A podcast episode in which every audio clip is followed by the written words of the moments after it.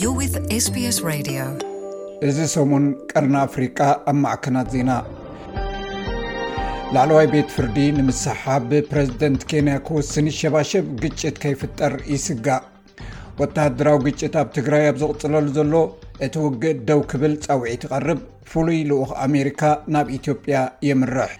ኣሜሪካ ድሕሪ 26 ዓመታት ቀዳማይ ኣምባሳደራ ኣብ ሱዳን ወረቐት ስርሑ ኣቕሪቡ ኣልሸባብ ኣብ ሶማል ብዝፈፀሞ መጥቃዕቲ ብውሕዱ 19 ሰላማውያን ሰባት ተቐቲሎም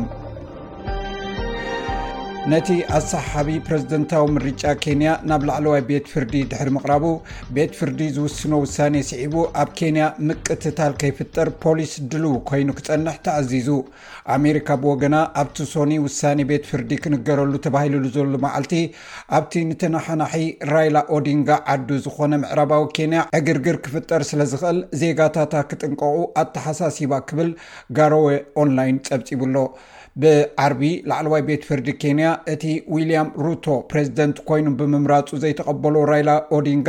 ናብቲ ቤት ፍርዲ ዘቕረቦ ጥርዓን ሰሚዑ ወዲኡ ውሳኔኡ ሶኒ ከፍልጥ እዩ ኣብ 217 ላዕለዋይ ቤት ፍርዲ ኬንያ ብተመሳሳሊ መገዲ ራይላ ኦዲንጋ ፕሬዚደንት ኡሁር ኬንያታ ምምራፁ ብምቅዋም ናብ ቤት ፍርዲ ጥርዓን ኣቕሪቡ እኳ እንተነበረ እቲ ቤት ፍርዲ ውዱቕ ገይርዎ ነይሩ ሕጂኸ ነዚ ቀሪቡ ዘሎ ጥርዓን ውዱቕ ጌሩ ሩቶ መንበሩ ይሕዝዶ ይኸውን? እንተዘይኮይኑ እታ ሃገር ድሕሪ ሱሳ መዓልታት ናብ ዳግማይ ምርጫ ክትከይድ እያ። ኣብ መንጎ ሓይልታት ምክልኻል ፌደራል ኢትዮጵያን ሓይልታት ትግራይን ወተሃደራዊ ተፃብኦታት ንሰሙን መመላእታ ኣብ ዝካየደሉ ዘሎ እዋን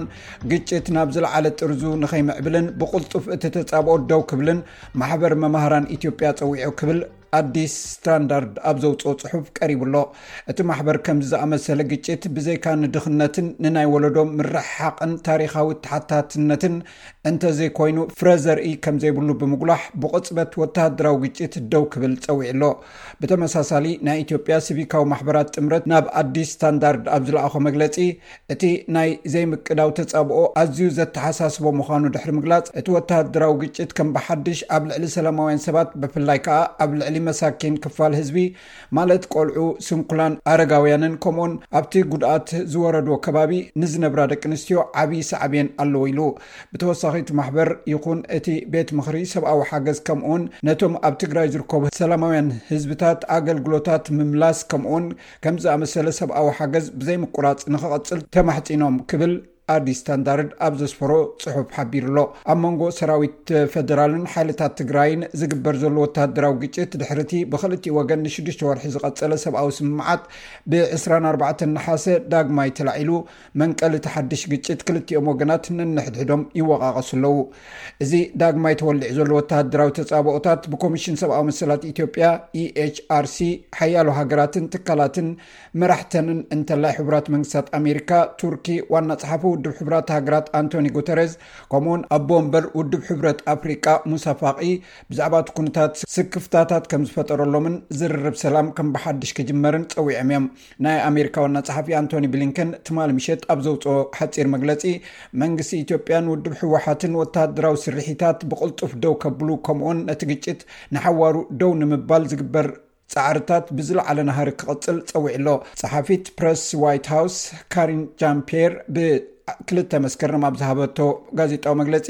ፍሉይ ልኡኽ ፕረዚደንት ባይደን ኣብ ቀርኒ ኣፍሪቃ ኣምባሳደር ማይክ ሃመር ኣብ ሰሜናዊ ኢትዮጵያ ተኸሲቱ ዘሎ ቅልውላው ብዝምልከት ካብዚ ቀዳሚ ሰንበት ጀሚሩ ናብ ኢትዮጵያ ክኸይድ እዩ ፍሉይ ልኡኽ ሃመር ኩሎም ወገናት ወተሃደራዊ ዕንደራ ደው ከብሉን ኣብ ዝርርብ ሰላም ክካፈሉን ከም ዘለዎም ክፅውዕ እዩ ኢላ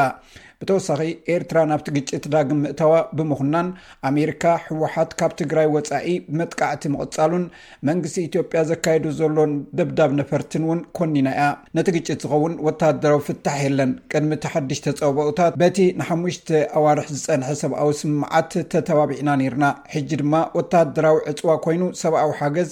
ምንፋጉ ኣዝዩ የተሓሳስበና እዩ ኢላ። ኤርትራ ኣብቲ ሓድሽ ተጀሚሩ ዘሎ ናይ ኢትዮጵያ ኩናት ወተሃደራዊ ምትእትታው ምግባራ ኢትዮጵያ ነጺጋቶ። ኣምባሳደር ኢትዮጵያ ኣብ ኣሜሪካ ዶክተር ስለሺ በቀለ ብክልተ መስከረም ንሲኤንኤን ኣብ ዝሃቦ መግለጺ ፈጺሙ ናይ ኤርትራ ምትእትታው የለን ድሕሪ ምባል ቀጺሉ ብዛዕባ እዚ ሓበሬታ የብልናን ኣብ ማሕበራዊ መራኸቢታት ንሰምዖ ኢና ወዘተ ክብል ድሕሪ ምግላፅ እቲ ኣምባሳደር ንህወሓት ንኤርትራ ናብቲ ግጭት ንምእታው ናይ ምስሓብ ድልት ኣለዎ ክብል ንህወሓት እዩ ወቒሱ ጆን ጎፍረይ ድሕሪ 26 ዓመታት ቀዳማይ ናይ ሕቡራት መንግስታት ኣሜሪካ ኣምባሳደር ኮይኑ ኣብ ሱዳን ብሓሙስ ንሓላፊ እቲ ብወታደራዊ መሪሕነት ዝምራሕ ሉኣላዊ ቤት ምኽሪ ጀነራል ዓብደልፋታሕ ኣልቡርሃን ወረቐት ስርሑ ከም ዘቕረበ ሱዳን ትሩቢን ፀብፂቡ ጎፍረይ ድሕሪ እቲ ስነ ስርዓት ኣብ ዝዘርግሑ ፅሑፍ ምስ ሱዳናውያን ዘሎ ርክብ ሕቡራት መንግስታት ኣሜሪካ ከደልድል እየ ዝደሊ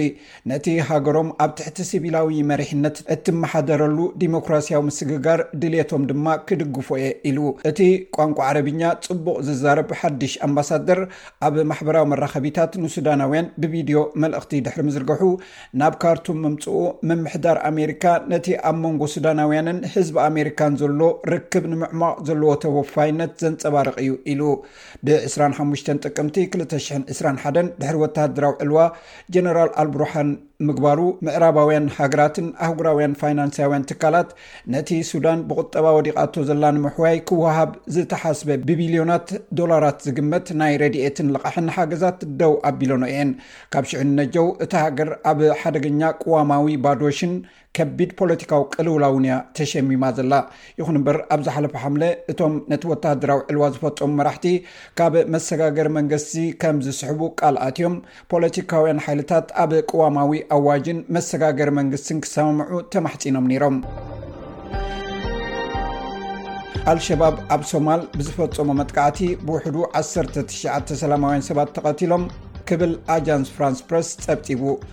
ዕጡቓት ኣልሸባብ ኣብ ማእከላይ ዞባ ሶማል ኣብ ሓደ ለይቲ ብዘካየድዎ መጥቃዕቲ ብውሕዱ 19 ሰላማውያን ሰባት ከም ዝተቐትሉን ምግቢ ረድኤት ዝፅዒነን ዝነበራ ዓበይቲ መኻይን ከም ዝዓነዋን ነበርቲ ንማዕከናት ዜና እታ ሃገር ገሊፆም እስላማውያን ተዋጋእቲ ኣልሸባብ ኣብቲ ኣብ ማእከል ሶማል ዝተኻየደ ናይ ለይቲ መጥቃዕቲ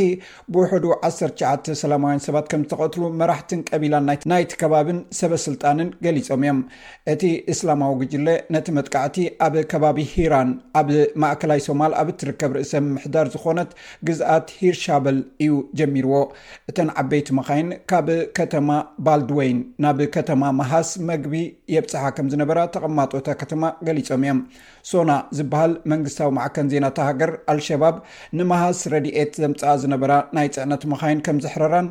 ንመብዛሕቶም ኣብታ መኪና ዝነበሩ ሰባት ከም ዝቐተሎምን ሓቢረን። እቲ መጥቃዕቲ ክልተ ሰሙን ድሕሪ እቲ ኣልሸባብ ኣብ ልዕሊ መንግስቲ ሶማል ነዊሕ ጸጥታዊ መጥቃዕቲ ደው ኢሉ ድሕሪ ምጽናሕ ኣብ ርእሰ ከተማ መቋድሾ ኣብ ዝርከብ ሆቴል ንሰላሳ ሰዓታት ብምኽባብ ዕስራን ሓደን ሰባት ምቕታሉን ሚእትን ዓሰርተ ሸዓተን ምቑሳሎምን ዝመጽእ ዘሎ እዩ።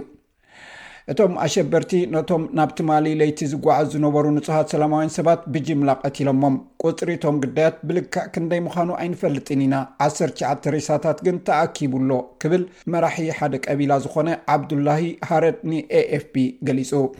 ኣልሸባብ ኣብ መግለጺኡ ነቶም ኣብ ቀረባ እዋን ንሓይልታት መንግስቲ ካብ ዝሕግዝ ከባቢ ሓደ ንኡስ ዞባ ንዝመጹ ተዋጋእቲ ዒላማ ብምግባር ዕስራ ሚሊሻታትን ነቶም ንዕኦም ዝኸውን ንዋት ዘጓዓዙ ዝነበሩን ከም ዝቐተሉን ትሽዓተ ካብተን መኻይን ከም ዝዓንዋን ኣፍሊጡ። ፕረዚደንት ሶማል ሓሰን ሸኽ መሓመድ ነቲ ኣብ ልዕሊ ንጹሃት ሰላማውያን ሰባት ዝፍጸም ዘሎ ዘስካሕክሕ ቅትለት ብትሪ እኹንኖ ክብል ብትዊተር ገሊጹ። እቲ ፕረዚደንት ብተወሳኺ መንግስቱ ኣብቲ ኣብ ሶማልያን ኣብቲ ዞባን ኣንጻር ግብረ ሽበራ ዝግበር ቃልሲ ዘይፍንቅሎ እምኒ ከም ዘይህሉ ኣስሚሩሉ እዩ።